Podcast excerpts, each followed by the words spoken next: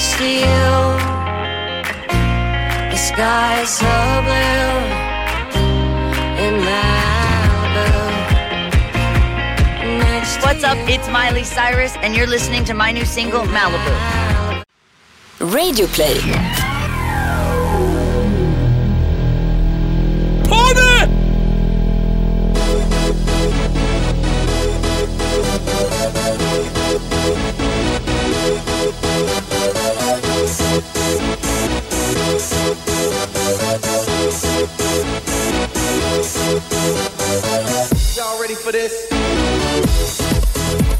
Fan vad roligt det känns att hälsa välkommen till det här avsnittet av Toto Balutto. Ni eh, kommer snart eh, känna igen en välbekant stämma. Den brukar vara ganska grötig över telefon. Vi har ju fått eh, diverse mail som upprört har påtalat att man hör ju för fan inte vad Ponne säger. Därför är det så jävla roligt att hälsa Pontus Jansson välkommen till studion. Tack så mycket. Ska försöka prata tydligt. Thomas, först bara, eh, är du lika exalterad som jag att Ponne är här? Ja, men jag, ty- jag tycker att det är mysigt. Det var lite som mitt möte med Marcus Rosenberg. Jag, jag, jag kände att eh, det var god stämning. Det är samma med Ponne, man, man trivs i hans sällskap. Ponne, du har ju varit en del av Toto Balutto ända sedan starten. Mm. Vad har du för relation till podden? Ja, lyssna på alla avsnitt. Um, väldigt skönt att ha en lång färd till träningar, 35 minuters bilfärd så att det är perfekt för mig att ha. Så gärna fler avsnitt om ni kan fixa det. Har det varit lite av en nagel i ögat att eh, Danne är nummer ett? Nej, i och med att det är Danne, jag känner Danne och har stor respekt för honom. Han var nästan som en storebror för mig när vi spelade i Malmö så på grund av den anledningen så kan jag köpa det. Men eh, snart börjar det bli dags för en jingel även när vi ringer upp dig. Ja, det hade varit kul. Den gängen sitter alltid och ler och småskrattar när jag hör det. Ja, den är fin alltså. bra, alltså. Ja, jag med. Vi kan ju sträcka ut en hand då till våra lyssnare för att den gingen med Danne, den kommer ju från en av våra lyssnare. Okej. Så, ja, kom igen. Det känns också efter det senaste halvåret så finns det ju en jäkla massa bra ljudupptagningar att använda i en ponnejingel. Tveklöst. Du, eh, vi ska köra igång med en faktaruta. Du Yes. kan ju det här, du har ju lyssnat på alla avsnitt. Så att, eh, här kommer eh, dina svar. Fullständigt namn. Pontus Sven Gustav Jansson. Eh, är det monarkister i, i familjen? Det är morfar och farfar. Så enkelt. Ja, det är fint. Ålder. Eh, 26, Var är hemma för dig? Arlöv. Vilka språk behärskar du? Tveklö eh, svaret där. Ja. Där har ju folk eh, varit lite eh, ja, men svepande kring sina svar. Alltså jag har inget, sjuka, jag har ingenting i Arlöv. Jag har ju all, alltså, inget hus, inget, inget boende där längre. Mina föräldrar flyttade till Åkarp. Det är i och för sig samma kommun men Arlöv är ändå, det är hemma. Vet, men du det vad, du- vet du vad du man. har i Arlöv? Jag har bästa italienaren. Hjärtat. Hjärtat också. Ja. Men det, det märkte man när vi var nere och hälsade på dig i Arlöv här Mm. för två år sedan, att eh, det verkligen var hemma. Mm. Man, man kan gå i flip-flop och mju- Ja. mjukisbyxor i Arlöv. Ja, det, är, det är fint alltså. Då passar det med mjukisar för dig. Annars brukar du racka ner på alla Det är ju som när går du utanför flyger dörren. och har mjukisbyxor på dig. Det är inte många i Arlöv som flyger. Gust, Gustav har kudde med sig när han ska flyga tre och en halv timme till Rom. Nej, det har jag inte. Jo, det har du. Vilka språk behärskar du? Eh, svenska, eh, engelska och eh, italienska. Och lite tyska förstår jag. Mhm. Eh, fyra år i skolan och var väl ändå hyfsad på det. Så när Fanerud, det var en en annan, annan i Torino, Molinaro, som också pratar tyska och han och Alex pratar ofta eh, samma så då förstod jag ändå det, alltså sammanhanget och det mesta i det. Eh, men eh, ja, annars svenska, engelska, italienska. Vilket eller vilka lag håller du på? Eh, ja, enbart Malmö FF har varit sen, sen jag var liten och ja, det är väl det fortfarande också. Finns det något lag som du verkligen inte håller på, som du kanske rent av föraktar? Alltså jag växte upp med att man, man ska ju ogilla Helsingborg. Jag, jag var ung och dum så var det ofta att man gick ut och sa att man hatar Helsingborg för det är så jag växte upp i, ren supporteranda eh, och, och hata HIF. Men hata använder jag inte lika mycket längre. Plus att de nu är i superettan så får man vara lite snällare kanske och säga att man, man ogillar dem lite kanske. Men backar man bandet ytterligare lite pre eh, din födelse så var väl Malmö FFs stora antagonist Landskrona Boys? Det är möjligt. Göteborg har jag också lärt mig är en stor, stor fiende. Eh, Landskrona, ja det är möjligt. Så bra koll har jag inte. Och som när Marcus Rosenberg på upptaktsträffen här i måndags satt på scenen och fick frågan vilka som är utmanarna då om titeln och stora utmanarna. Och då valde han ju att säga Häcken och Östersund. Han nämnde varken AIK eller IFK Göteborg. Ja, det var ju faktiskt en ganska roligt ställd fråga från MFF Supports ordförande som jag har glömt namnet på, i alla fall förnamnet, men det är Tony Ernsts dotter. Okej. Och hon ställde då frågan, hej Marcus, vilka tror du kommer slåss om andra platsen? Det är malmöitisk anda det. Ja. Sånt man älskar man ändå. Favoritspelare genom alla tider? Eh, Zlatan. En spelare som du aldrig riktigt gillat? Oj jäklar. Eh, Det måste vara en ny fråga, den har jag inte hört innan. Ja, den är alltid med. Den är alltid Okej. med, det har nämnts allt från Cristiano Ronaldo som någon spelare man har haft lite svårt för. Gustens eh, stora hatobjekt i fotbollsvärlden eh, just, eller just nu, men eh, som spelar nu är Jordi Alba. Kallar honom för gris förra avsnittet. Ska jag säga något jag ogillar så jag är väldigt tydligt att Messi är så mycket bättre än vad Ronaldo är. Eh, Jag kan ändå uppskatta han är ändå två i världen och en av de bästa. Så att, men, ja, alltså Messi är så, så, så mycket bättre fotbollsspelare än vad, vad Ronaldo är så får vi säga att jag ogillar Ronaldo då. Fast jag inte gör det. Ja, men eh, vad fan, du måste ju ha sprungit på någon som du har gått i clinch Man med på ett personligt såklart. plan. såklart. Eh, Men ska man sitta här och säga det? Det är klart du Lindström, ska. jag kommer ihåg Mattias Lindström i Helsingborg hade jag svårt för. Han var jävel alltså. Fan vad jag kunde Någon prata. random spelare i Italien som du kanske minns som du hade, Italien. hade svårt för. Eh, Alltså vi tre har ju en WhatsApp-grupp och där, eh, där skräder det ju inte orden ibland. Nej, Där är det ett par forwards som har fått sig ett par kyssar. Nej, jag kan fan inte komma på någon nu direkt alltså. Jag är ledsen, jag får bjuda på Lindström. Jag gillar Lindström nu, vi har faktiskt en bra relation men han, han var jäkligt jobbig att möta. Men ett par i Göteborg också nu när jag tänker tillbaka. Uh, Selakovic och de här. Uh, kunde också tugga jäklar alltså. Selakovic har ju superlikheter eh, likheter med Lichsteiner. Så svärmors... Och där har, ja, där har vi det, Lichsteiner, han är överlägsen etta. Alltså fy fan vilket rövhål det är alltså. Jag kommer ihåg vi satt, när jag kom till Italien, det första han sa till mig, jag bodde mycket med Omar El Kaduri. Eh, Det var alltid koll, koll på han högerbacken där, Juve, han är så äcklig. Sa El Kaduri El Kaduri sa det till mig, sen så märker man på honom hur han spelar. Det är en jäkla vinnare, jag kan tänka mig hur god han är utanför plan, men på plan alltså shit. Men hade ni någon dust på planen också? Nej, jag spelar aldrig mot Juve. Eh, så nej. Men du, eh, jag tänker att jag uppdaterar den här faktarutan i realtid då, när vi har en eh, så pass bra spelare, aktiv sådan i studion. Vilken är den bästa spelare du har spelat mot? Oj, jag har mött många bra. Um, jag kommer ihåg när jag mötte Dinamo Zagreb med Malmö så var det en brasse, vad hette han nu, Samir. Oj, ja, han var helt fantastisk. Och, och så hade de han Kovacic som är i Real nu, han var också helt fantastisk. Sen är vi väl många som minns när Malmö FF eh, träningsspelade mot Milan och Zlatan kom till Swedbank. Ja, det var Och ni möttes i en eh, axel mot axel nere Mm. vid hörnflaggan. Kommer Ja. du ihåg den Thomas? Finns väl på bild också? Bild, eller? ja. Finns, tråkigt att det inte finns på Det finns någonstans på video också men inte på YouTube. Men um, jag kommer ihåg Napoli förra året med Torino. Alltså det, det, det lag, alltså Napoli, fantastiskt lag. Alltså, men Marek Hamsik, alltså det var helt sjukt. Som han smällde passningar med höger och vänster. Så rent så här, jag kan komma på snabbt så Hamsik, helt fantastisk. Vilken är den bästa spelare du har spelat med? Ja, det får jag säga Zlatan, överlägset.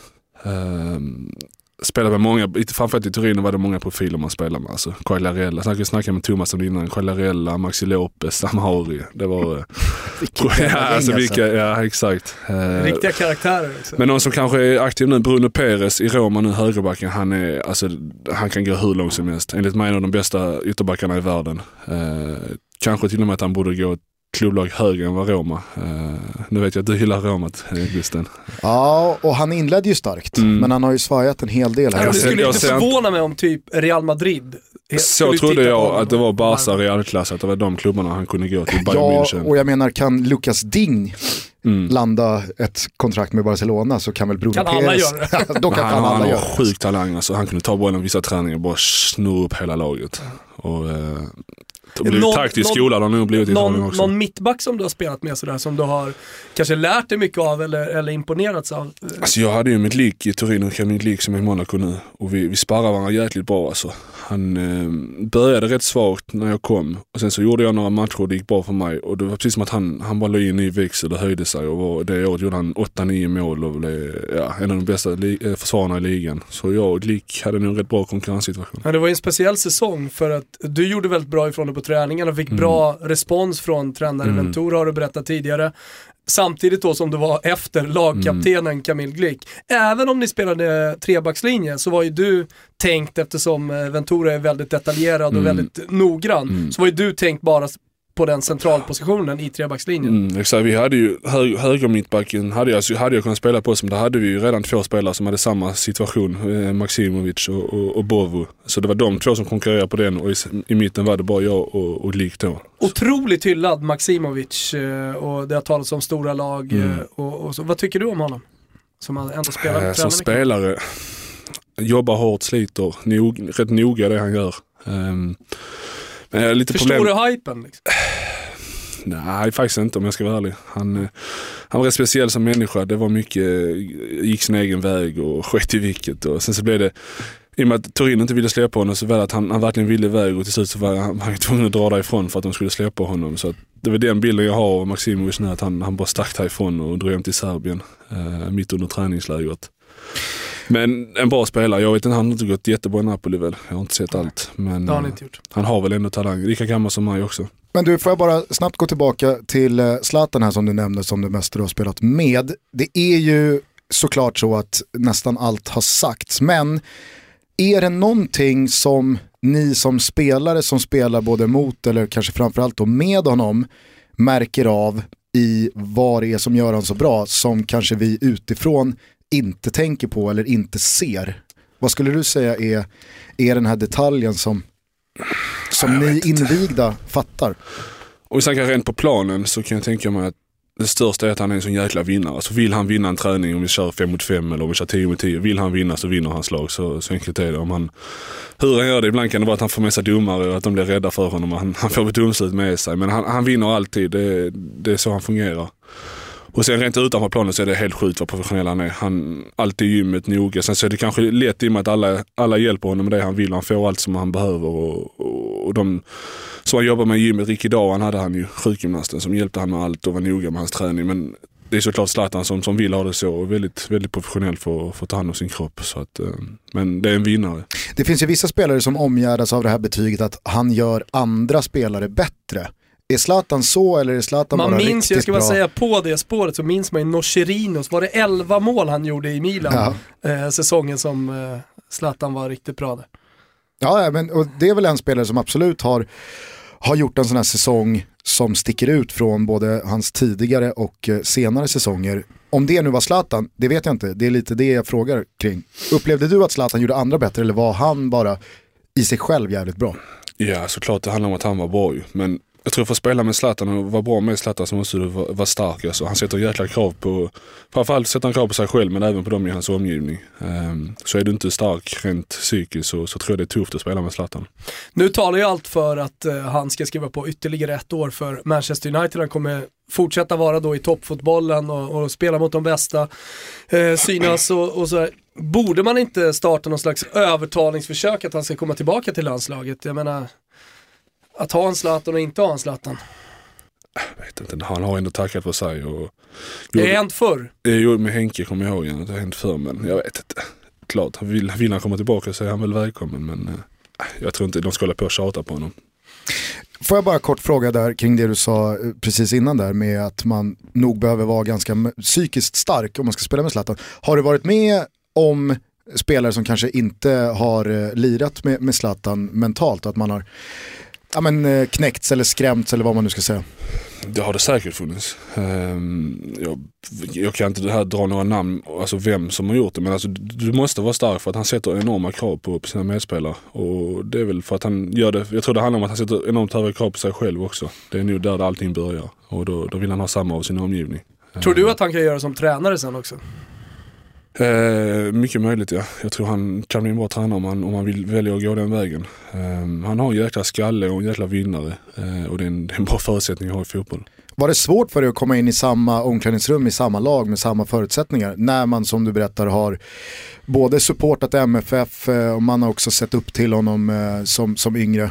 Nej, alltså jag är ju ändå alltså uppväxt med det. Men jag kom in i Malmös omklädningsrum som 17-åring och såg alla mina som säga, idoler med, med Daniel Andersson, Yxel, Skog och alla de här. Så för mig var det inget nytt när jag kom in i omklädningsrummet med Zlatan. Det var lite samma. Att man, när man väl är där sen så, så tänker man inte så mycket på det utan man, man anpassar sig och, och det blir en lagkamrat och inte en vad ska man säga, idol på, på det sättet. Så att man, man lär sig sånt. Jag hade inga problem med det i alla fall. Vi drar vidare. Intressen utanför fotboll. Ehm, ja, Counter-Strike. Det är många som har hört av sig med frågor gällande ditt eh, CS-spelande. 50% av alla frågor handlar ju om Ja, nicknames och vapen och sådär. Ja men eh, alltså det har jag verkligen förstått efter vårt samtal eh, i något avsnitt för några veckor sedan. Att det är mycket större pengar och att det är en jävla större grej än vad jag trodde. Sen så vet jag att jag och Thomas kanske drog ur dig eh, att du sa att du var bättre än vad du är. Det är många som har hört av sig via mail också, skjutit ner dig och bara han är inte på någon jävla världsnivå. Lugn och fin. Men det sa ju aldrig du utan det var väl vi som, som hetsade det att säga. Men, men på tal om hobbys, eh, du berättade tidigare här att eh, din flickvän, blivande fru, Mm. din fästmö är eh, kvar i England på grund av att ni, eller delvis på grund av att ni har en hund. Mm.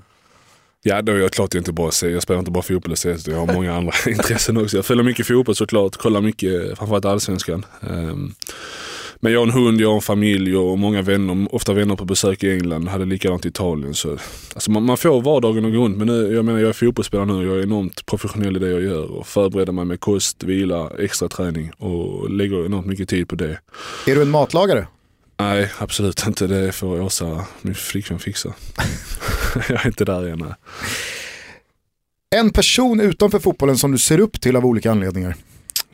såklart min familj, min, mina storebröder. Eh, min storebror Peter som har spelat på en hög nivå. Han spelade i Allsvenskan för, för länge, länge sedan. Eh, och han lever lite i, i mig nu och följer allt jag gör, alla träningar, alla matcher. Och vi diskuterar mycket ihop. Och, eh, så jag får säga min familj det är såklart, och, min, och såklart min, min flickvän då. Din fetaste fotbollsupplevelse någonsin? Det måste vara slutsignalen när vi vann guld 2000, 2013, Borås Arena. Eh, jag vann ju guld 2010 också, fick medalj, gjorde 18 starter tror jag, två inhopp, 20 matcher totalt och det är ändå bra för att vara en- en 19-åring. Men guldet med, med Rickard där 2013 så var det verkligen att jag spelade alla matcher och var ändå en viktig byggsten i hans lag och kände verkligen att det guldet kunde jag säga att det, det vann jag. Tillsammans såklart med mina lagkamrater men ändå att jag kände mig väldigt delaktig i det. Det var ju då när Gische smällde in den va? Eh, Exakt. Avgjorde. Och när slutsignalen blåses och alla mina andra lagkamrater springer i full fart in i omklädningsrummet. Jag bara vänder mig om och, och springer mot, mot fansen. Det var en grym känsla. Bara om man stannar kort där på, på Rickard Norling, vi kanske Mm. kommer tillbaka till det, men hur är er relation idag? Den är bra. Jag träffade honom igår och fick en lång och varm kram. Det, det är något speciellt med Rickard. Han betyder oerhört mycket för min, för min karriär. Eh, var nere i Italien, som säkert många vet, och hälsade på mig en vecka med, när jag var i Torino. Och ehm, nej, jag vet inte, men Rickard han är en vän för livet, inte bara min gamla tränare. Vem från fotbollsvärlden hade du helst velat dela en flaska vin med? Dricker du vin? Ja, rödvin. Usch, älskar det. Jag har fått Något lä- speciellt? lära mig ta det. Eh, Malbec har flickvännen fått, fått Argentinska dricka. vin, alltså. Ja, exakt. Det är lite kreddigare svar än Johan Mjällbys tunga Amarone. Russinglöggen. Det är så jävla väntat att Mjällby gillar tunga Ja, men vi har Amarone. ju varit inne på det där, det är 60-talisternas vin. Uff, jag vet, det är en svår fråga alltså. Um, så jag är intresserad av att bli tränare i, i, efter min fotbollskarriär. Så kanske någon av tränarna då. Eh, Diego Simeone, hur, hur hans sätt är att vara tränare. Eh, det har varit coolt att få, få lyssna på honom och hur, hur han ser på det. Väldigt energisk och um, blir jag tränare så är det en väldigt stor möjlighet att jag kommer att agera som, som han gör rent match, matchmässigt. Lichsteiner kanske? Ja varför inte. Han kanske är en fin människa, eller det är han säkerligen. Men eh, en, en skalle på planen är han väl. Mäktigaste numret som du har i din telefonbok? Eh, vad har man för nummer? Kan man säga Celino då? Han är, Han är ju mäktig. nej, han är mäktig. Eh, nej men vad har jag för nummer? Ehm, Har du Zlatans? Nej faktiskt inte. Gianpiero Ventura, han är en fin karaktär och som gamla tränare i Torino. Och numera italiensk förbundskapten. Exakt. Den posten smäller Hörs- lite högre globalt kanske Mm. än Torino-tränare. Ja, hörs ni någonting? Du och Ventura? Nej jag bara tackade för de åren. Och, Mm. och, nej, han, och Maxi Lopez nummer jag också. Maxi Lopez är en för jävla härlig, härlig karaktär. Ehm, han är väl ändå, går väl ändå under, karaktär, under namnet Mäktig. Så att, eh, Ja, det får man verkligen lov att säga. Eh, Frågan är du tatuerad är ju ganska lätt att besvara, det ser jag ju på dig. Du Mm. har en hel sliv under vänsterarmen eller längs med den. Mm. Då kommer istället den här frågan, vilken var din första tatuering? Ehm, Har du någon sån här Martin Åslund eh, tribal som du har fått täcka nej, över? Nej, nej. Jag har en på insidan av armen till, min, till mina föräldrar och mina bröder. Deras personnummer. Eh, och texten, jag är den jag är tack vare er. Det var, det var min första. Hur gammal Och- var du då? Då var jag 18. Då var, sa jag att också detta är det enda jag ska göra. Men såklart blev det blev lite till. Du är ju i tatueringsgeneration, Ja, inte minst verkligen. bland fotbollsspelare. Verkligen. Eh, Vilken är den, eh, du behöver inte nämna några namn här, men vilken är den sjukaste tatueringen du sett i ett omklädningsrum? Är det någon som har någon Oj. riktigt stöd? Ett omklädningsrum. Vi har ju varit inne på tidigare, som du säkert har hört i podden också, eh, Diego Jag Perottis. precis säga eh, det. Ja, vad det nu är på, på halsen. Jag vet också att eh, Ezekiel Lavezzi, Ja. han har ju en pistol tatuerad så att den sitter liksom i byxlinningen, i ljumsken. Nej, det var faktiskt många i Italien, de här äldre, Bovo, Vives, de hade sådana jäkla konst- kinesiska tecken på hammarna och sånt, helt onödiga saker. ja, någon av dem får det vara då. Men ingen sån här riktigt nej, uppseendeväckande. Riktigt sjuk, nej, inte vad jag kan komma på faktiskt. Snyggaste fotbollströjan genom tiderna? Eh, det vore väl dumt att säga något annat än Malmötröjan, men Malmötröjan är något speciellt för mig, himmelsblått. Uh, framförallt de senare åren, de är rena, lite reklamer.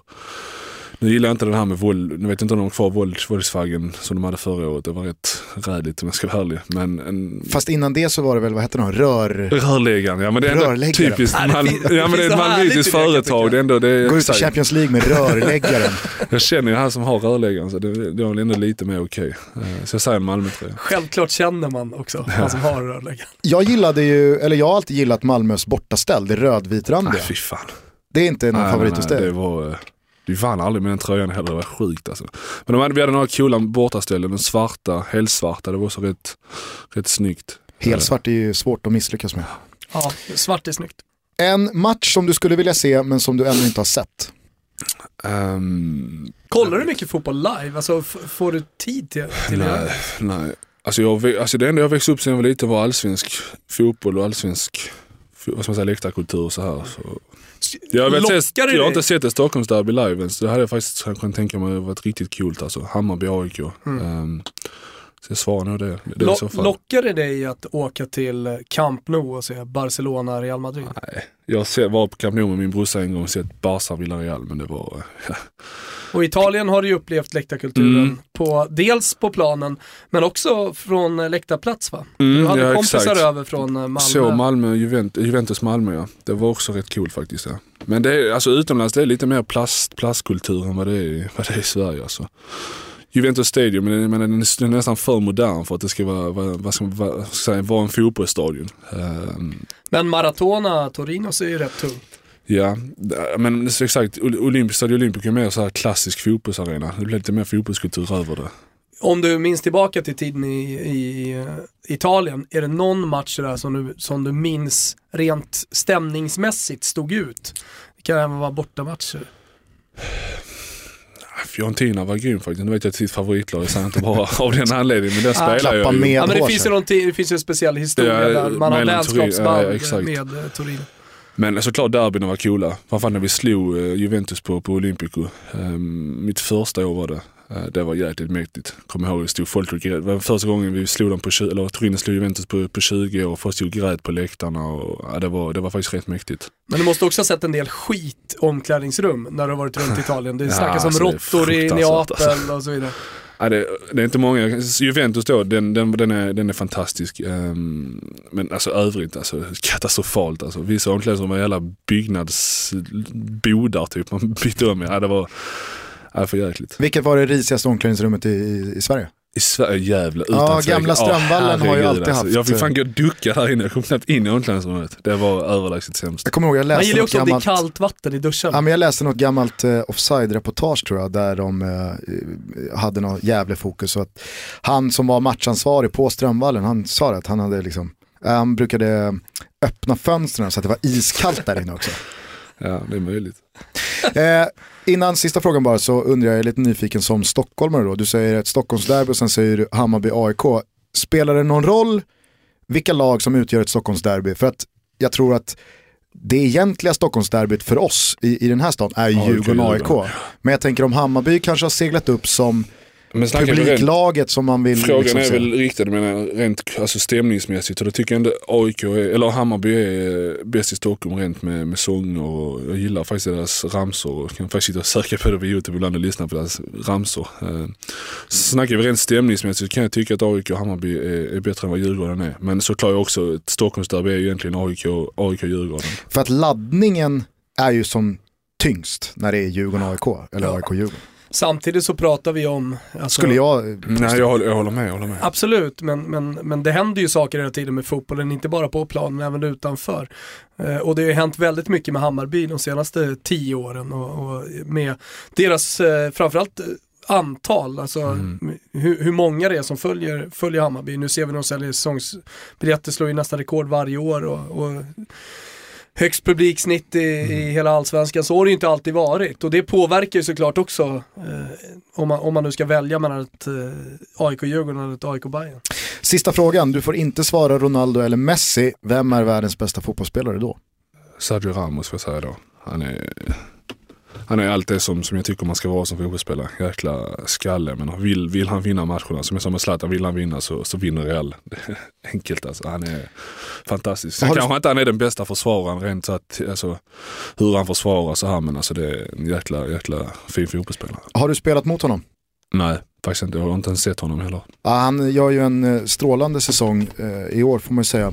Känns som att han också har fått det här stora globala erkännandet som Mm. kanske är världens bästa mittback. Jag gillade Varann innan, som också spelar i Real ju, den andra mittbacken. Han, är, han har i framtiden fram, framför sig mycket yngre än vad Ramos är.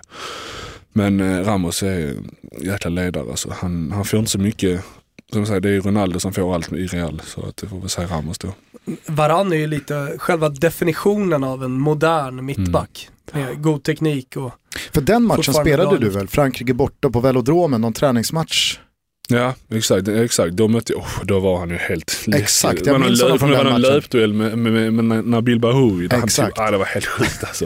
Är det inte den matchen som eh, Erik Hamrén ofta refererade till när ni pratade med Ja. varandra, att du gjorde en riktigt bra match där? Mm. Ja, nej, exakt. Jag spelade inte många matcher med efter det med, med Erik ju. Ehm, Men det matchen gick bra. Folk kanske tror att eh, vi tar någon slags eh, paus bara för att det är landslagsvecka. Nej, nej, nej, nej. Tutto-tripplarna rullar vidare och som ni vet här nu så delas det ut allsvenska matchbiljetter till en lycklig vinnare varje vecka som får ta med sig sig själv och en polare på valfri allsvensk match under maj månad. Då lägger man alltså Toto-trippen med eh, den nya insatsen 148 kronor. Vi har valt att hedra Anders Svenssons landslagsrekord genom att eh, slå fast den summan från och med nu. Ja, och den kommer också ligga. Vi gillar Anders Svensson väldigt mycket. Han kommer säkert eh, besöka podden här vad det lider. Eh, och eh, 148 det är en symbolisk siffra, helt klart. Så 148 kronor ska man spela.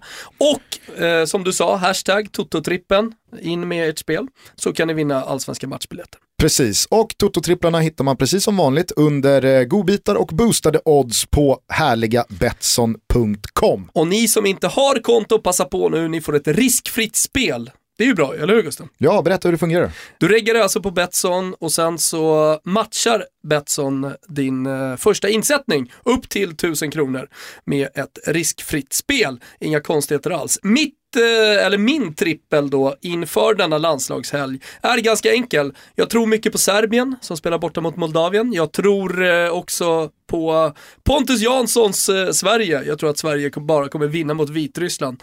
Och slutligen, under 2,5 mål i Italien mot Albanien kommer bli en taktisk match mellan Pontus gamla tränare Ventura och eh, Albaniens italienska förbundskapten. Eh, det blir lite mål, jag tror att Belotti avgör, det blir 1-0 till Italien. Men under 2,5 mål alltså.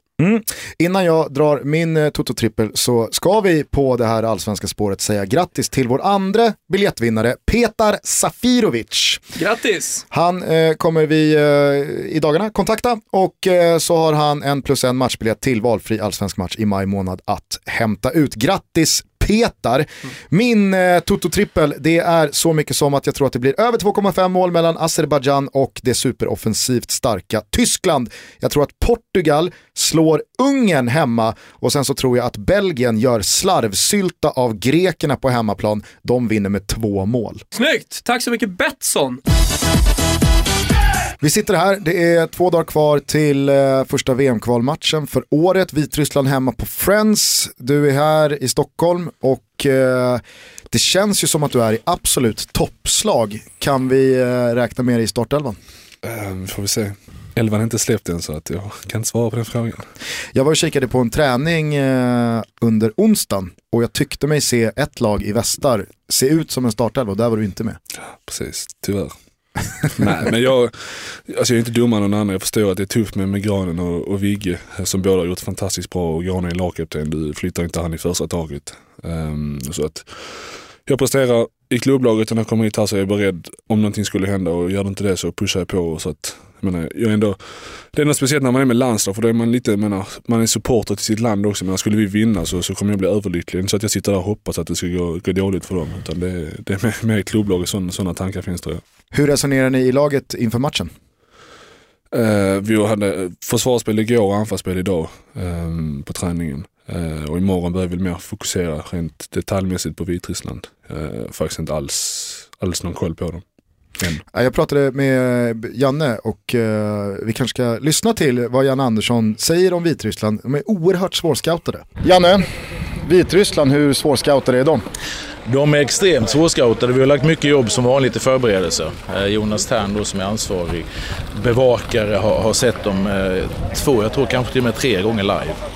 Nu har de varit ofina nog att byta förbundskapten här i mars månad och eh, de har då sju nya spelare in i truppen jämfört med innan. Och dessutom då så, så vi har försökt liksom få, få lite koll på hur den här tränaren vill spela normalt och sådär. Men titta på många matcher som hans klubblag har spelat men inte sett något tydligt mönster i det heller på något sätt. Så vi, vi är ganska, det är ganska ovisst hur de kommer att agera. Samtidigt så uttrycker vi alltid så att vi, vi vill eh, fokusera väldigt mycket på det eget och det kommer gälla mer än någonsin den här matchen just utifrån det jag beskrev innan.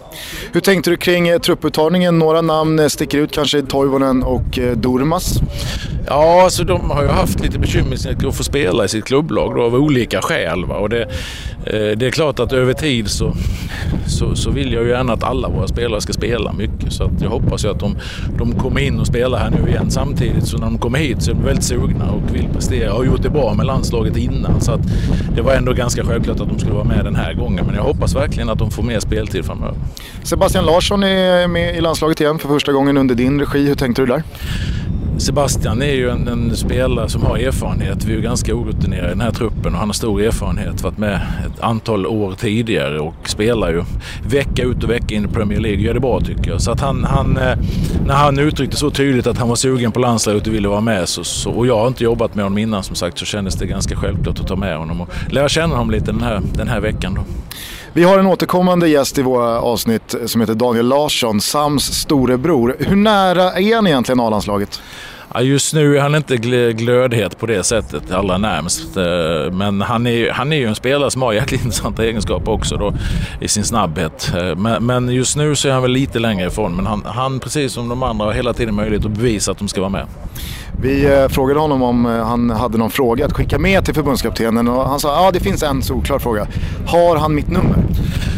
Jag har hans nummer om han inte har bytt det. Vi har en lista över ett antal spelare som är intressanta och där har vi även telefonnummer. Men jag vågar inte säga om det är purfärskt. Men eh, jag kan lova honom att jag vill, vill jag nå honom så kommer jag ta reda på det. Inte minst kanske genom hans brorsa då. När Guidetti eh, skadade och tackade nej, eh, vad, vad låg han på listan? Trea? Fyra? Jag uttalar mig inte om de som inte är med. Jag brukar bara prata om de som är med. Visst hade det varit fint med Danne? Ja, verkligen alltså. Det blir ju tyvärr, jag känner mig, alltså jag får lite dåligt samvete att det nästan har blivit så här ett, det är ditt fel, ett, ja. ett skämt. Men vad fan, alltså Danne är en, det är en högkvalitativ anfallare med svenska mått mätt. Han kommer ju från skada. Ja, jo, men ändå så känns det ju som att han finns ju inte på den raden. Det är faktiskt ert, ert fel att, ni, att man, tar, man kan ta honom på allvar. Har du tappat respekten för Danne ja, Balutto? Danne är med en god gubbe nu. Jag vet fan om man spelar han ens fotboll. Det är inte den känslan man har ju. Så. Det är ert fel. Nej, men, Man är mer intresserad av hur det går för Janni. Ja, men, och, och man hör ju också lite på Janne att han, han nästan skrattar till när jag, när jag frågar om han var aktuell när, när Guidetti kastade in handduken. Janne kanske lyssnar på podden. Är det några i landslaget som lyssnar på Ja, podden, tror ja, det är det. Vi pratade om det innan idag. Eh, Lustig, Albin. Sen är det säkert andra smyga, men framförallt de gillar när, när ni säger Bajen. du? Men på tal om Lustig då, det är, väl, det, är väl ingen, det är väl ingen idé att sticka under stol med att Lustig var ju huvudperson i den ramsan som eh, fick dig och mig sparkade från Discovery Ja. i somras. Eh, har, har han sagt någonting om den? Nej, faktiskt inte. Och han verkar ju gilla er så att han... han Ja, jag har ju svårt att tro att Lustig har tagit illa. Nej, det har han inte gjort, det kan jag säga. Det är en jävla ramsa liksom. Vi lyssnar på hur det lät. Nej, det tycker jag fan inte alltså. Nej, Ja, det är nej. känsligt fortfarande för Gustav. Men om eh, Micke lyssnar här nu så, eh, så hoppas vi att du inte tog illa upp. Det gjorde han inte. Bra. Eh, nej men som sagt, ingen Danne i laget. Janne pratar om ett svårscoutat Vitryssland och jag tycker inte att vi behöver snacka så jävla mycket om den Nej, matchen. Det verkligen. känns ju inte som... eh, Det handlar ju bara om vinnare, Ja, hur? exakt. det ska vara tre poäng in på kontot. Låt Mm. oss däremot istället prata om säsongen med Leeds. Ni har gjort en oerhört stark säsong får man ju säga, sen du kom in i laget. Vi ska komma ihåg att Leeds började jävligt knackigt den här säsongen. Eh, Ja, hade de inte gjort det så hade ni ju varit med närmare i alla fall Mm. eh, i eh, de där, eh, där striden om eh, de två direktuppflyttningsplatserna. Ja, vi vet ju att eh, Championship är ett maraton, 46 omgångar ska spelas. Det har spelats eh, 38 nu, Leeds ligger på en fjärde plats. Det är 8 poäng upp till Brighton på andra platsen. men de slog ni i helgen med 2-0 och det känns ju som att eh, playoff-platserna ska kunna vara i hamn. Allt uppåt är väl en bonus. Mm. Ja, exakt, men det vore, menar, samtidigt vore det dumt att inte sikta mot topp två när vi ändå har, det finns en möjlighet, framförallt i Championship, som du säger, en tuff liga. Eh, där både Newcastle som etta och Brighton tvåa har börjat svacka och tappat den sista tiden. Nu slog vi Brighton med 2-0 senast. Ehm, och Brighton hade samma resa förra året där de ledde länge eh, och tappade sen på slutet ner till en playoffplats. Jag menar, det vore dumt för oss att inte satsa mot, mot topp två. Det var ju många som uppmärksammade att du inte spelade matchen här senast mot Brighton. Eh, man har kunnat läsa om det där du säger att det är någonting som stannar mellan dig och Gary Monk. Eh, vill du revidera det på något sätt eller ska vi nöja oss med det? Nej, tycker vi nöjer oss där faktiskt. Spelar du nästa match? Det hoppas jag. jag en bra vecka här nu och sen tillbaka till... Och relationen, det kan vi i alla fall prata om. Relationen Absolut. med Gary Monk, hur är den? Den är väldigt bra. Han, han har fått mig att ska man säga, mogna och förstå. Vi pratade lite med dig Thomas innan med, med mentaliteten i England jämfört med, med Italien. Italien är mycket, alltså, ska man säga, div, divig inställning där man bryr sig om sig själv. Tuffare kultur. Mycket tuffare kultur. Och lite av den skallen hade jag när jag kom till, till England. Att jag skiter i de andra, jag ska tänka på mig själv och ingen ska få sätta sig på mig. Så här. Men jag har lärt mig under tiden med, med Gary att eh, det handlar mycket om laget, sätta laget före jaget. Uh, I Malmö var det också mycket så här, alltså kaxig attityd och, och stå på där så här. Så att jag, jag är inte så van vid det här att man, man ska tänka på laget på, på det sättet. Så att jag, jag har mognat mycket på, med, med Gary. Det har ju heller inte undgått någon tror jag som följer den här podden eller svensk fotboll överlag att du har blivit en eh, enorm publikfavorit, eh, lite av en kultspelare redan. Har du börjat ledsna på det? Finns det någonting som känns jobbigt med att det blir så jävla mycket Magic Hat och uppståndelse? Nej, alltså det sätter en jäkla press på en ju. Att hela, tiden ha det och höra det, du, du, du är så stor där och hur känns det? Jag har fått den frågan tusen gånger men först och främst är det en jäkla ära och jag menar, ett kvitto på att man gjort någonting bra och att folk, folk uppskattar en. Eh, men samtidigt ibland är det svårt, det kan nästan stiga en över huvudet. Man, man får nästan för mycket luft och, och då är det bra att andra, framförallt jag, då har vi ju Gary som exempel kan, kan bromsa mig och, och följa mig på jorden igen. Det, Ibland är det svårt att få så, få så mycket. Jag hade någon, någon, någon månad i Malmö när jag slog igenom där det också var så mycket där man nästan svävade iväg. Och då är det skönt när någon, kan få ner en på jorden lite. Har du även vänner som, som du kan... Nej, det är det också vännerna får en att sväva iväg ännu mer. Vilken king du är och då flyger man iväg ännu mer. Så att det är viktigt att ha någon person i ens omgivning som, som, som sagt, kan ja, få ner en på jorden lite. Men det är inte så att du har typ Pontus, Pontus Janssons Magic som ringsignal?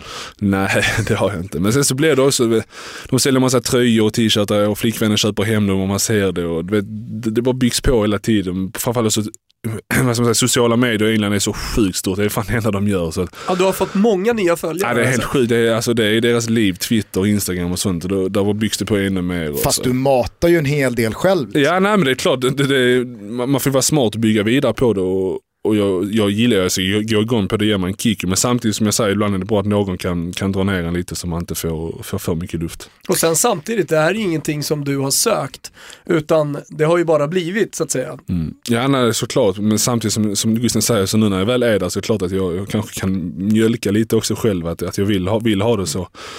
Men samtidigt får vara på en, på en rimlig nivå. Det, det lär jag mig nu här nu un, under resans gång. Har gratisnoterna börjat trilla in? Eh, nej, faktiskt inte. Det är faktiskt snålt med det i England. Alltså, nästan så att man, man betalar nästan, ja, för alltid, full- det gör väl alla människor, men man betalar alltid fullpris i England. I Italien var det, var det mycket mer givmilt. Har du köpt dig en hatt? Nej, faktiskt inte. Jag har fått någon, de säljer någon Magic Hat i shoppen som jag har fått hem, men nej. Men jag har ju sett att du har lagt dig till med må- målgesten, att du lyfter på hatten. Ja, Jag jag skrev, vet det inte på, var den kommer ifrån, det bara, det bara blev så. jag skrev det på Twitter när Wes Morgan gjorde 1-0 mot Sevilla va? I returmötet. Och han halade ut kikaren, precis som Captain Morgan gör på eh, romflaskan. Att det är ju svårt att ta till sig mittbackar som har målgester, för det känns liksom som, jag vet inte, det känns inte som att mittbackar ska ha målgester. Men Wes Morgan, han gjorde någonting med mig när han drog ut den där kikaren. Och jag gillar ju när du la dig till med, med hatten. Ja, det ska du fortsätta med. Mm.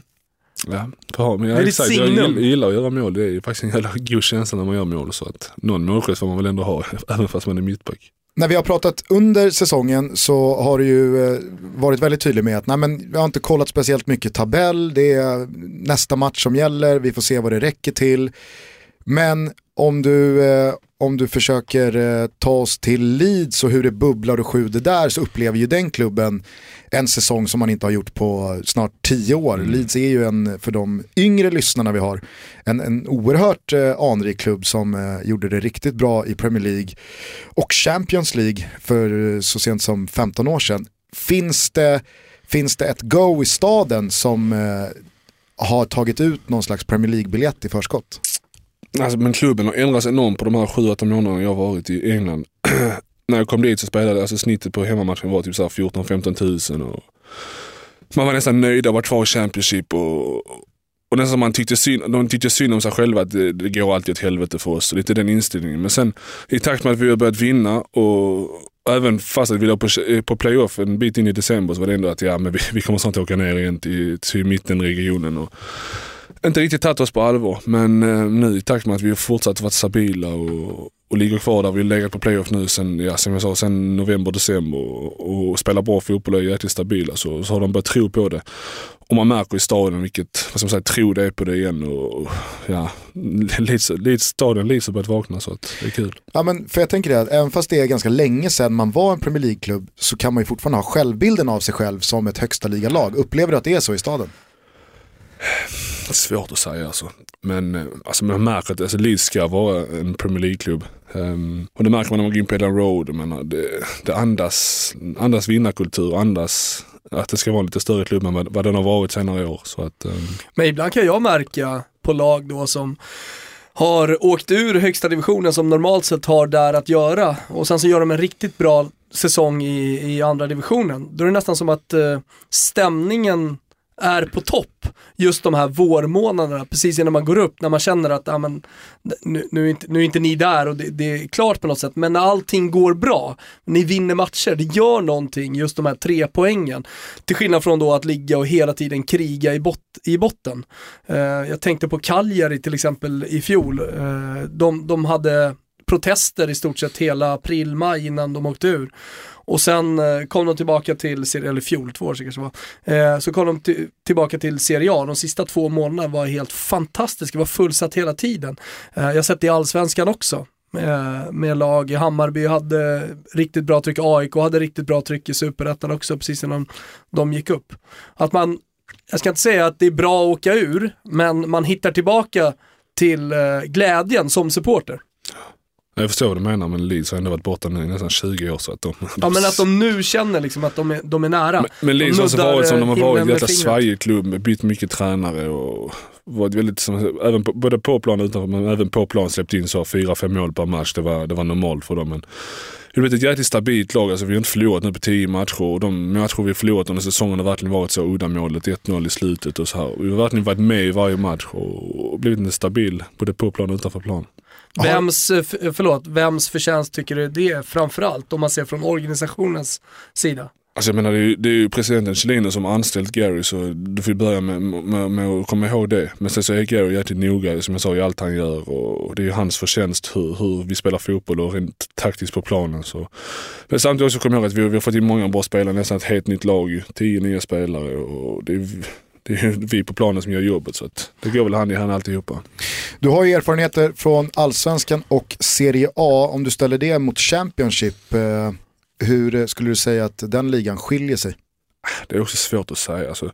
Är den bättre än vad folk pratar om den? Ja men det tycker jag ändå för det är mycket, alltså, många av lagen har jäkligt fina spelare alltså. Och spelar bra fotboll. Och sen rent hur lag spelar så är det mycket, mycket bättre än vad, vad folk tror tror jag. Alltså folk kan tänka mig Championship, det, det är bara att sparka långt och kriga och vinna andra bollar men så, så är det verkligen inte. Det finns några enstaka lag men alltså de flesta lagen spelar bra fotboll och försöker och så här. Um, men alltså skillnaden för mig, jag kan känna jag som varit i Italien och blivit taktiskt skolad med, med Ventura, så jag, jag drar en jäkla fördel av det i, i Championship. Svårt att beskriva hur i detalj men alltså de är inte så taktiskt skolade kanske i England som, som de är i Italien. Så där kan man dra jäkla fördel av, för mig där som har varit i Italien och, och gått den skolan. Kan du även eh, försöka lära dina lagkamrater? Alltså det är svårt så här mitt under säsongen att komma in mitt i det. Men jag, menar, jag har haft Berardi bredvid mig som också är skolad i italiensk fotboll och han spelar vänsterback jag har varit vänster och vänster innerback. Och, alltså man märker hur vi fungerar ihop hur vi jobbar, hur vi löser situationer. Att vi, vi, vet hur vi tänker. Han har också varit i Italien jag vet inte hur många år men också den, det gått den skolan. Och, jag vet inte, lätt, och, lätt, lätt, och, lätt att samarbeta med honom. Jag vet att det är äpplen och päron och att det är väldigt svårt att eh, konkretisera det, men hur hade Leeds gått i allsvenskan? Jag tror, jag tror nog vi hade vunnit. Uh, brukar ha den här diskussionen framförallt med, med Robin då, Olsen i landslaget. Vi är tajta vänner. Att han tror att Köpenhamn hade, hade slått oss ju. Uh, men uh, jag vet inte. Alltså jag, tror, nej, jag tror vi hade slått Köpenhamn också om jag ska vara ärlig. Ska vi ta lite lyssnarfrågor? Det är Kul. ju en hel del kan jag säga. Eh, om vi bara är inne på det här eh, komparativa spåret så undrar Heytand eh, om eh, hur träningarna skiljer sig mellan Italien och England. Um, rent längdmässigt är det enorm skillnad. Alltså, vi tränade med Ventura i Italien var det alltså minimum två timmar varje dag. Um, Medan här i England såklart med tanke på att vi spelar mycket mer matcher i, i Championship så är det korta träningar. Um, inte så mycket dödtid utan vi gör uppvärmning sen så går vi igång direkt och gör det vi ska och sen, sen så är vi klara. Um, så det är nog den största skillnaden. Vi tränar mycket mindre i England än i Italien. Analys och så. Eh, Ja, alltså dagen innan match har vi alltid, inte mycket, vi talade väldigt mycket att vi gick igenom matcherna också, men här är det mycket att vi går igenom inför matcherna. Man hinner ju inte blicka Nej, tillbaka exakt. i Championship. I början var det- dag. Jag vet inte hur de gjorde innan, men det var några matcher i början när jag kom där vi gick igenom matcherna efteråt. Eh, Men vi har inte haft tid med det sen. Är det friare i England eller i Italien? Vad menar du med friare? Utanför eh, planen och utanför laget liksom för sig själv. Håller man mer koll på sina spelare i England eller i Italien? Jag vet inte, det är svårt att säga. Alltså, jag, jag gör ofta det som, om vi pratar rent information, jag gör ofta det som jag känner, känner är rätt. Och jag har inte fått någon tillsägelse hittills. Nej, men så här fettmätning och... Alltså, nej, alltså Italien var rätt, rätt slappt med sånt också. Vi hade någon fettmätning typ så en gång var tredje månad. Och, Och när ni kom tillbaka från semestern. mm, ja exakt. Men För du var väl uppe och pusha tresiffrigt där när vi var nere och träffade dig? Ja exakt, men jag gjorde ju operation så jag får ha det som en liten ursäkt. Men eh, alltså det var rätt slappt i Italien också om jag ska vara ärlig. Max Söderström, han undrar eh, vem eller vilka som är de bästa spelarna du har mött i årets Championship. Um, Forestier är redan spelare som heter Sheffield Wednesday. Han, vet inte om han är argentinare Klassisk eller ja, eh, Italienare kanske Ja, han var, var Ja. ett klassisk eh, talang. Ja, tror han är, jag spelar inte FM, men jag tror att han, han var vass på Ja, FM. han var väl i Udi- Udinese då? Ja, exakt. Ja, exakt. Men han, han ligger också på en av de bäst betalda i hela ligan. och Han, han är fantastiskt fin alltså. Han hade det rätt tufft mot, mot oss i och för sig men eh, han, eh, han tycker jag är för jäkla bra varje gång jag ser honom. Eh, så han håller högt. Sen är det, Har du vi- mött Gale? Har mött, Newcastle. han gjorde två mål mot oss, eh, men han var inte så involverad i spelet. Men vi, vi tog ut sån här årets elva, spelarnas elva nu för någon, någon vecka sedan. Då var jag tvungen att ta ut min, min elva. Ehm, men det, det är rätt mycket spelare från topplagen, Brighton, Newcastle. Ehm, jag fick inte välja några spelare från, från Leeds ju. Ehm, Hade du valt det själv då? Du var ju med i den elvan sen. Ja exakt, nej det, ja, jo men det hade jag nog gjort faktiskt. Du är ju trots allt Nå, någon annan i laget då som du tycker Ja, men min mittbacksläggare Kyle Bartley, vi har ett fantastiskt bra samarbete. Och som jag sa innan, Berardi och, och Elin, ytterbackarna, hela backlinjen har varit, varit fantastiskt starka ihop. Ni Plus har ju också hela Championships skyttekung. Vi har, Exakt. vi har en fråga om honom också. Ja, och så Wood då. Som, Hur eh, högt håller du honom? En jäkla målskytt, jag tror han har gjort 27 eller något sånt. Och utan hörde jag, jag tror 20, minst 20 De är inne i, i mål, alltså inte straffområdet utan målområdet. Han har stått rätt och petat in dem. Och eh, en fantastisk alltså, näsa för målet. Men han är också viktig för oss i vår uppbyggnad och, eh, och stark och så här. Sen får man inte glömma Pablo Hernandez också. Alltså som han kan hitta in instick och, och så mjuk och fin med bollen. Så att vi har, vi har ett jäkligt bra lag. Pappa Wolf, han undrar vad du nickar på CS. Är det vad man heter eller? Mm, exakt, jag nickar gatches. Gatches? Jag har gjort det i, jag vet inte hur, sju, åtta år. Vad, vad är det för namn? Nej, ingen aning var det kom ifrån om jag ska vara ärlig. Jag nickade ponny innan men det var lite, fick jag ändra det takt med att jag blev, offentlig. Gatches alltså. Hur Gatches. stavas det? G-A-T-S-H-E-Z. Gatches. Eh, Är Z för Zlatan? Nej, det tror jag inte. Inte alls påverkat. Castellettos heter han. Eh, han undrar om, eh, han har en hel del funderingar kring eh, svensk supporterkultur. Och det jag kanske fastnar för mest här i hans eh, många inlägg är det han skriver om hur Malmö FF såg på dina ganska tajta band till eh, supporterkulturen. Alltså jag, jag blev, i takt med att jag som jag sa blev ordinarie och som jag säger, involverad i, i MFF så fick jag en, som jag säger, en, ett band mellan supportarna och, och MFF som, som jag gillade att ta. Um, blev också så i och med att de, som är kärnan i Malmö supporterkultur är, är vänner till mig som jag känner utanför fotbollen. Så det, det var ett ansvar som jag gillade att ta. Um, sen så fick jag alltid, för alltid mig, jag fick de här frågorna med bengaler och när det hände någonting med Malmö supportrar så var det alltid jag som fick stå där och, och ta det. Uh, vad är din syn på det då? på, vad menar Ja, men, eh, med bengaler till exempel. Alltså jag, jag du frågar mig som jag, jag menar jag är en supporter i grunden och varit... Nej, jag är superpro Gusten också. Gärna, alltså jag menar bengaler, är den, så länge du kan garantera säkerhet så, så, ska, alltså, så finns det där för mig. Jag menar, bengaler är en del av läktarkulturen. Sen så vet jag också att det, att, alltså, att det är farligt och så här men jag menar jag svarar ärligt och säger bengaler det, det är en del av fotboll, läktarkulturen för mig. Upplevde du att eh, avståndet mellan supportrar och eh, myndigheter, förbund, beslutsfattande organ är hopplöst stor? Uh, ja faktiskt om jag ska vara ärlig. Alltså jag, nu när jag inte är där så, så, så hänger jag med mest genom alltså, mina Facebook. Jag är ju vän med många av dem och läser deras tankar och så här och hänger med. Och så Twitter då såklart. Uh, men det känns ju, ja, som du säger, lite hopplöst. Att de, det är som att de vill, vill vara så långt ifrån förbundet så här och inte ha någon kontakt med dem för att de känner att att det kommer aldrig hittas någon lösning på, det är inte, det är inte bara rent bengalmässigt utan det är även andra frågor väl. Så mm, ja, det känns väl Ja men dels det, alltså det skriver jag under på att ibland så, så känner jag också att supporterna vill inte närma sig eh, den andra sidan. Samtidigt som att jag kan tycka att den andra sidan gör ju inte jättemycket genuint för att förstå supporterhållet. Mm, alltså man måste komma ihåg att utan läktarkulturen så hade allsvenskan inte ens varit i närheten av, av, av vad den är. Eh, det är alltså det som är charmen med, med svensk fotboll enligt mig. Eh, såklart klart att det finns många duktiga spelare, många lag och så här men Alltså det, charmen med svensk fotboll är ju, är ju läktarkulturen och det, det måste man komma ihåg. Och det, och det måste man värna om också. Sen såklart så, så funkar det inte heller för, för supportrar i sig att bara skita i det och tro att allt ska komma till dem. Men de måste också alltså, kunna vara, som säger, hjälpa till och hitta lösningar på, på diverse saker. Eh, men läktarkulturen är enormt viktig. Får jag fråga dig Thomas bara, är du pro legal pyroteknik?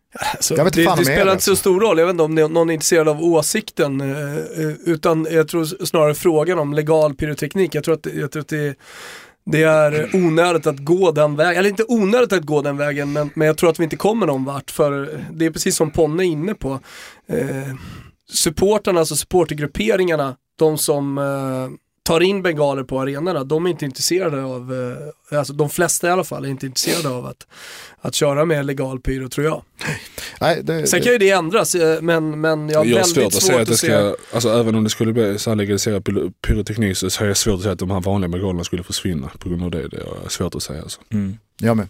Simon Lundberg undrar ifall du skulle vända hem till allsvenskan efter avslutad internationell karriär och Malmö inte skulle vara intresserade, skulle du kunna spela för något annan, någon annan klubb då? Alltså, det är skitsvårt att se mig själv spela för ett annat lag och har alltid svarat nej på frågan. Men det är en rätt aktuell fråga men det är rätt många av mina polare som har vänt hem som, som Malmö inte har velat ha. Eh, men alltså det, det vore den värsta mardrömmen för mig att den dagen jag vänder hem att inte Malmö vill ha mig.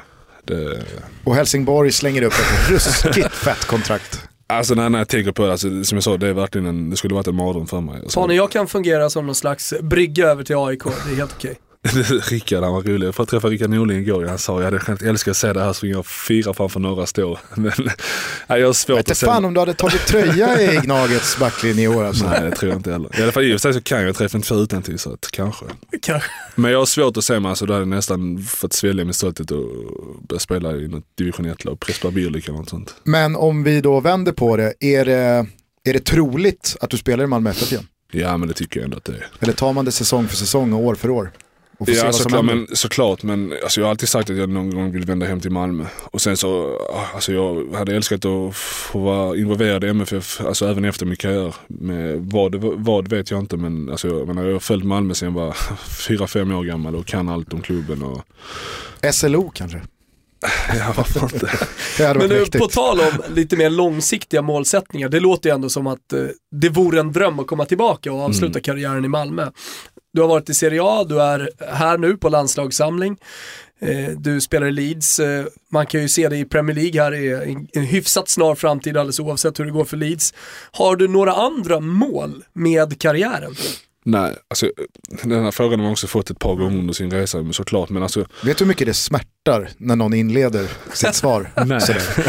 Då Alltså, känner man sig, jag- då alltså- känner man sig så jävla Förstår själv, jag växte upp med Malmö sen, som jag sa sen jag var ett litet, litet barn. Och för mig, alltså hade någon sagt till mig när jag var liten att du ska få spela i Malmö och vara viktig och vinna SM-guld. Och, inte bli en legend för det är långt ifrån men ändå bli en spelare som folk vet, vet vem han är och även fast jag lämnar så följer de mig så, här, och så hade jag bara sagt att fan, alltså aldrig att det kommer hända.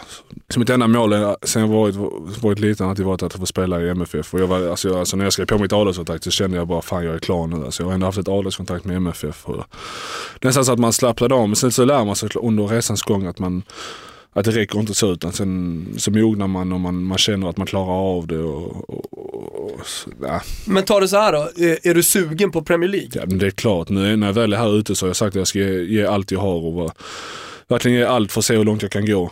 Och eh, sen får vi se hur, hur långt det räcker. Är det svårt att eh, gå från ett lag i en liga och då tänker jag då på Malmö FF där man är ett topplag och man hela tiden slåss och både lyfter pokaler till att gå till lag som kanske inte har så mycket med bucklorna att göra och att vinna. Att, alltså, finns det någonting problematiskt i den omställningen? För jag kan tänka mig att du är en sån eh, spelare som, du går in i en säsong och du vill avsluta den med att vinna någonting.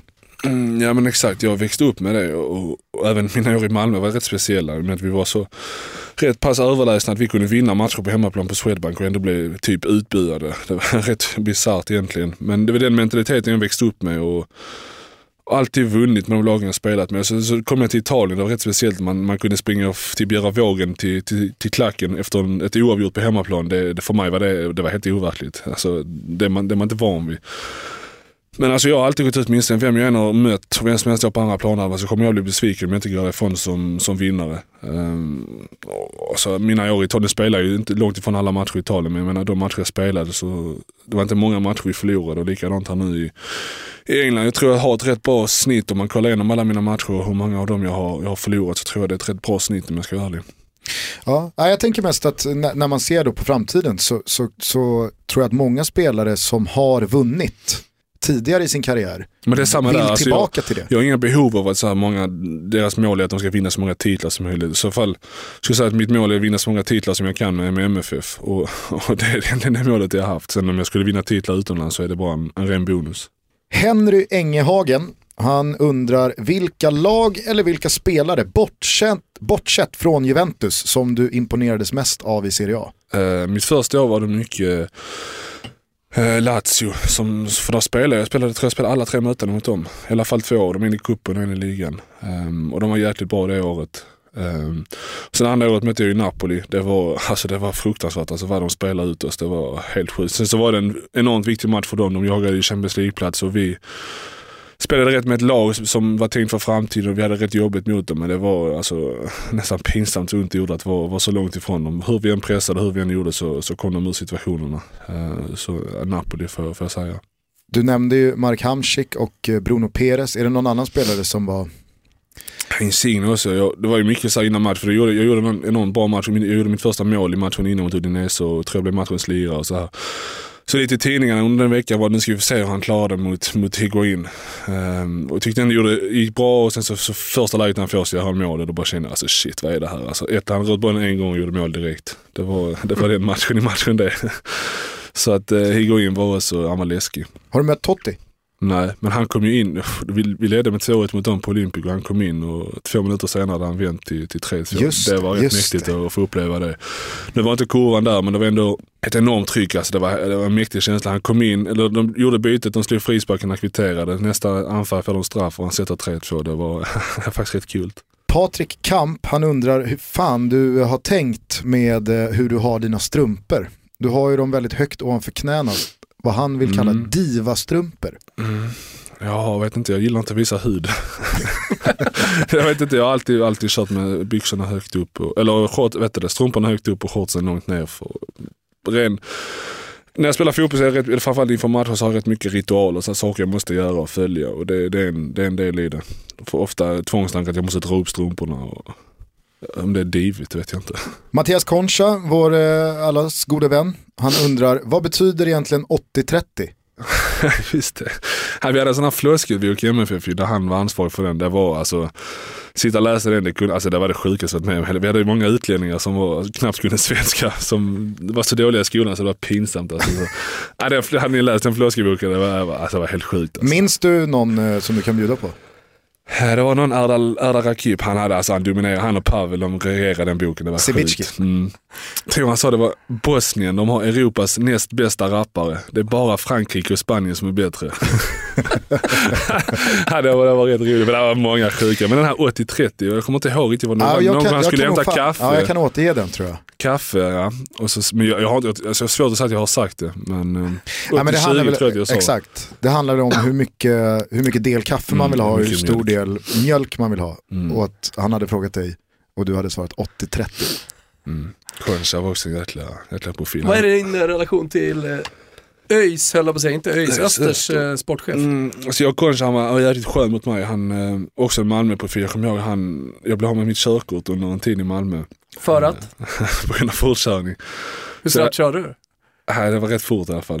Eh, men så jag hade fyra månader, jag bodde ju fortfarande i Arlöv då hos föräldrarna. Så var jäklar väg in till Malmö. Omi sa, inte en chans att jag sätter mig på, på en buss och, och åker in. Så Koncha han bodde i Helsingborg så han hämtade ofta upp mig och han, han hade rätt mycket historier. Vi pratade rätt mycket så jag får tacka honom för att han hämtade upp mig de, de månaderna och jäkligt snett av honom. Men det, det är en fin kille, jag unnar all framgång och nu är det kul att det går bra för honom i Öster. Vi har inte pratat så mycket sista tiden men uh, väldigt fin. Alltså alla de här Malmö-profilerna, eller Malmö-killarna som både han, Rosenberg och, och Helander har nu. Uh, det är något speciellt, man, man får ett band med dem. Fan man hade velat eh, ögna igenom den där floskelboken. Alltså. Jag vet inte vad den tyvärr, men det, sen fanns ju även en floskelbok innan, eh, innan Concha kom med de här äldre profilerna. Elanga, EJ, Skog, Jonathan. Alltså det var så helt sjukt. Har du hört eh, den här busringningen när någon imiterar Zlatan och ringer Elanga? jag var ju hemma i söndags med polarna så kom denna här på tal och vi tog upp den och lyssnade på den. Den är, den är helt sjuk. Har du hört den Tobias? Kan vi lyssna på den? Absolut. Ja. Det var Zlatan. Allt bra med dig eller?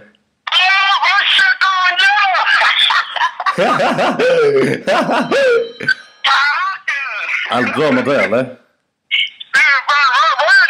Nej, jag är inte så mycket. Men jag har kommit hem en sväng och softat lite hos mina kusiner. Jaha!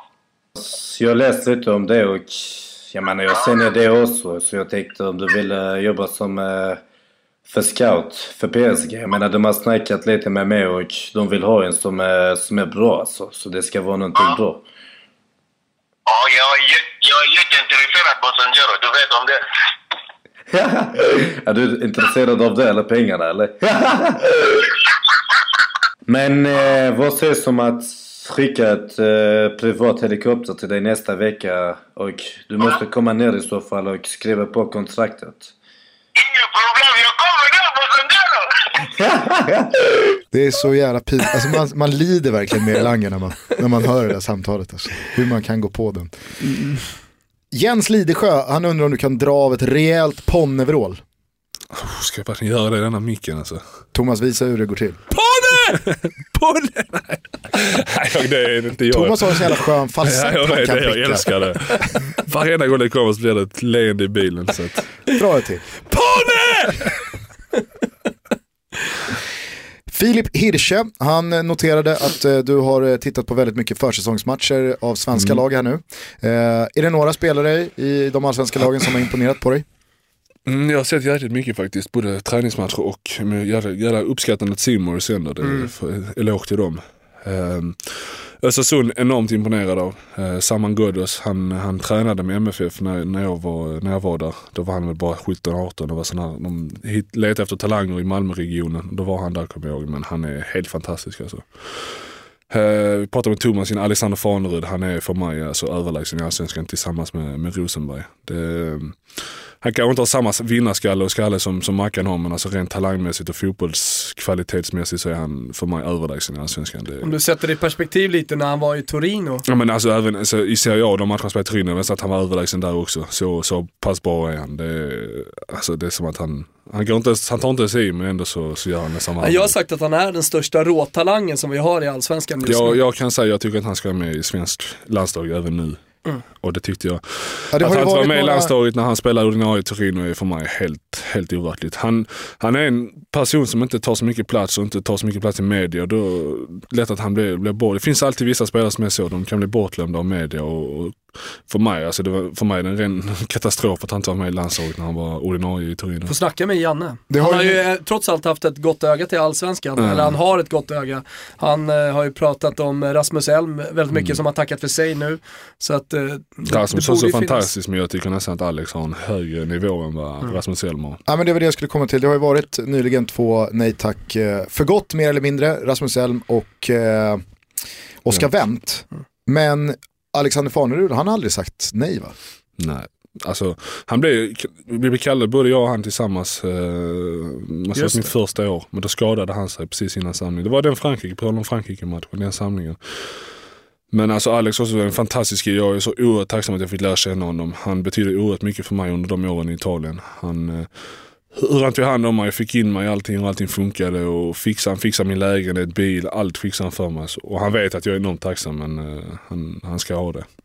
Parka, han undrar, som avslutning på karriären, pengarna och stranden i GIF Nike, Mm. eller hjärtat och vännerna i Arlöv BI. GIF Nike är ju en liten Lomma, det ligger precis utanför Arlöv, nere vid stranden där. Lite mer som sagt glassigare än vad Arlöv är. Där spelade faktiskt min brorsa i, i ett par säsonger innan han la av. Eh, Så jag har faktiskt ett litet Nike-hjärta om vi säger så. Men eh, nej, det är klart att jag vänder hem till, eh, till Arlöv. Förhoppningsvis har jag gjort mina pengar redan så att jag inte behöver, behöver mer. Ville Murtokangas, han undrar, vilken är den bästa biran i England? Bira, jag är inte för mycket för bira så jag är mer eh, rödvin som jag sa. Ehm, men vadå, vilken är den bästa biran i England? Alltså, vi har ju en ölkultur just nu i Sverige där eh, man brygger eget i bandhagen och alltså, jag har en polare som precis har börjat brygga eget i källan. Alltså bästa biran i England, det känns ju som en dålig fråga. Ja, nej, men det, det, det, då säger vi det. Ville. Jag vet ju att Johan Mjällby drack mycket bärs under sin karriär, alltså, Okej. med, under veckorna och sånt där. Det var ju en annan kultur då i den brittiska fotbollen. Men hur, hur, hur är det idag? eh, vet inte om jag ska vara ärlig. Faktiskt inte. 90-talister är ju den nyktra generationen. Nej, det, är- det är också en myt, tror man. Alltså. Det är många som säger, drar den och säger att nej, jag dricker inte. Men jäklar du, när det väl kommer fram på bordet. Och, det är inte många som spottar i glasen. Alltså. Okej. Spännande. Mm. Eh, Patrik Björklund, han skriver så här. Hur är Gaetano Berardi som person? Är han lika hetlevrad som han kan vara på plan stundtals? Berardi är faktiskt min, min bästa vän jag har i Leeds. Han är alltså helt fantastisk. Det är den snällaste människan jag någonsin träffat. Alltså, han, eh, sen så blir det automatiskt att vi båda pratar italienska och vi tar hand om varandra. Eh, han pratar inte fantastisk engelska som, som alla andra italienare. Eh, så han, han Så är... du behåller italienskan då? Ja, ja den, eh, den, är, varm? den är bättre nu än den var när jag bodde i Italien. Så den, det, det blev nästan som att när jag kom dit så sökte jag, för jag hörde dem prata italienska och direkt sökte jag mig dit, med, vid ett par stycken. Eh, Men Berardi, han är, alltså på planen är det det sjukaste jag varit med Han kan göra sådana tacklingar som är helt overkliga, men utanför planen världens snällaste. Så det är kanske en, en ny Lichsteiner. jag har hittat Lichsteiner. Ja, men jag var inne på det i tidigare avsnitt, eh, just att Lichsteiner kanske är en svärmorsdröm Jag då, jag vid sidan av det. planen. Och att, att, det, att det är en röd tråd här. Ja, men Tuffingarna. jag tycker att Jag tror Selak- sig inte Selakovic. Selakovic hittar ju in i den skaran också. Ja, men exakt. Svärmorsdröm utanför, en riktig, Ska hålla riktig, gris, efter dem. riktig gris på plan. Sista frågan då, det är många som eh, undrar hur eh, det italienska köket står sig i Leeds jämfört med Italien, men kanske framförallt italienaren i Burlöv Center. Är det fortfarande nummer ett? Nej, det har jag inte varit där på ett tag nu.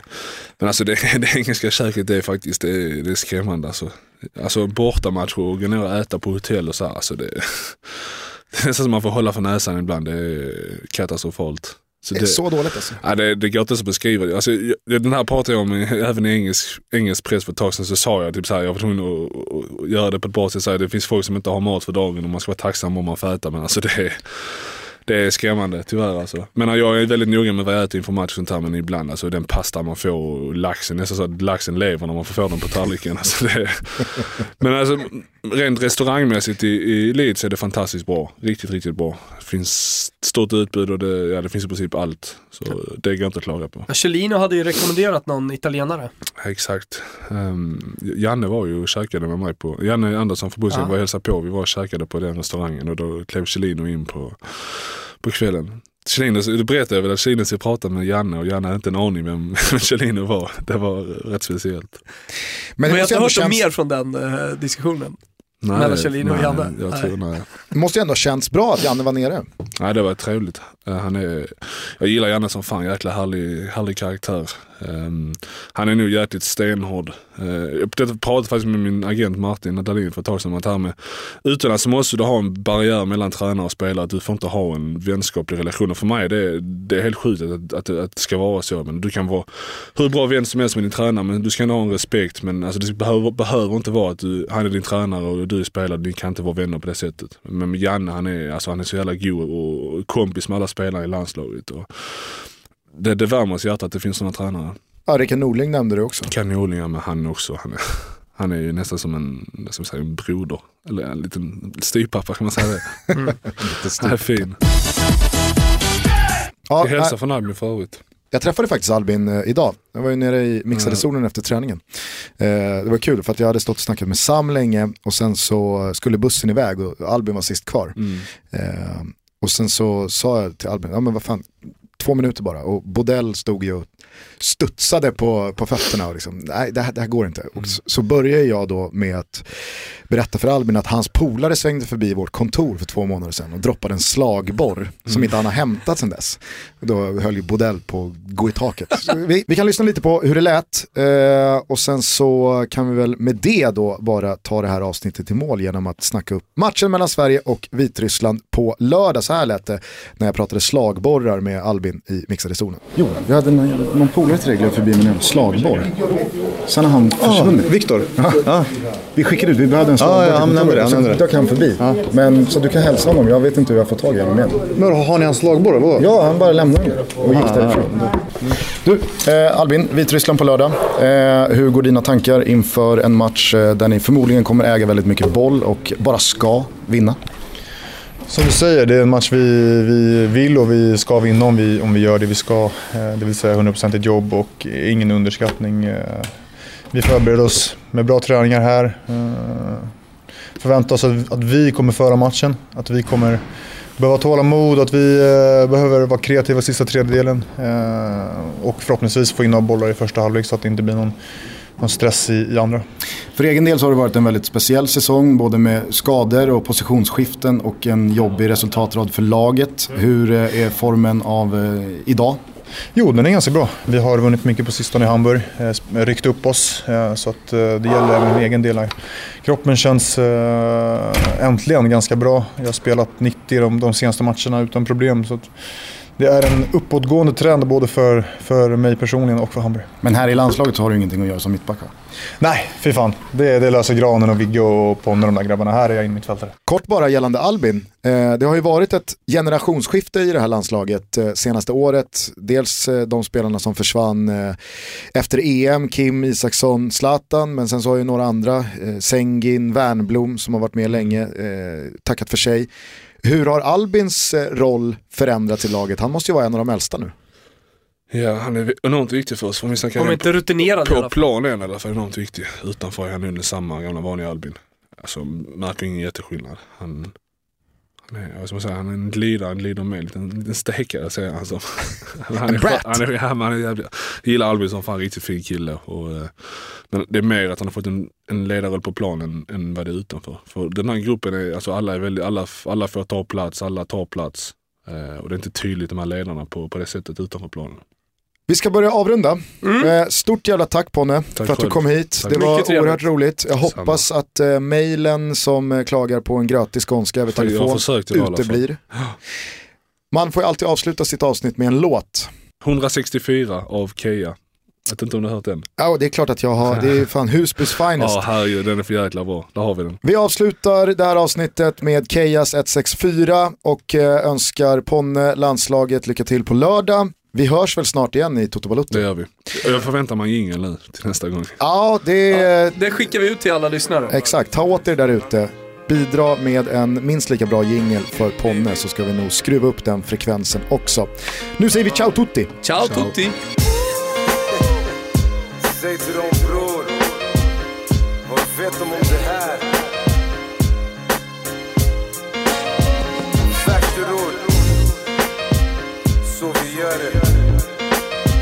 Ta det tillbaka. Yeah. Och.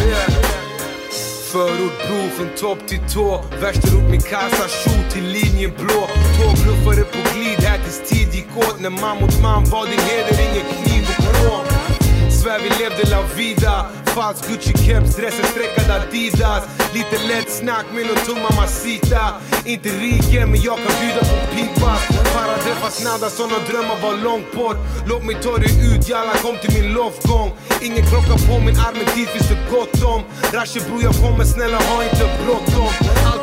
Ständigt både sommar och vinter. Svär jag glad när jag ser de här kidsen. Det var bra tider innan själen kom vilse. Fulle om du hör mig bror jag ber dig, jag ring mig till Husby Vi har stigit av och dörrarna stängts. Vi har vandrat här tills lamporna släcks Vi har ju pengar lika snabbt som de bränns. 164 Vi har stigit av och dörrarna stängts.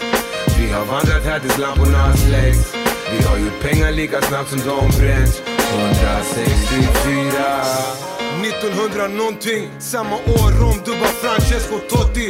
Converse, Air Force One, slick och sportiv Innan Benny blev Young Hood, Pavarotti Svär det var tider, än idag vi rider. Jalla tanka bilen, låt oss gasa ifrån grisen. Tre fram, sex bak, Steff med hon skriker. Shanko flippar helt i centrum, börjar skrika beatet. Det var långt innan jag började räkna karre. Fick mig pusha dans, Lusse wina upp min jarre Alla dessa hästar inte hittade till stallet. Då vi pumpar Kenta, kolla nu vad han Låt oss göra handlingen så trött på allt småprat. Varit nere länge men det är nu som vi står rakt Tjock mycket kärlek, men hat gör det sårbart. Vi var bara unga män med dåliga låtval Stockholm. Vi har stigit av och dörrarna stängt Vi har vandrat här tills lamporna släcks Vi har ju pengar lika snabbt som de bränns. 164 Vi har stigit av och dörrarna stängt vi har vandrat här tills lamporna släcks Vi har gjort pengar lika snabbt som de bränns. 164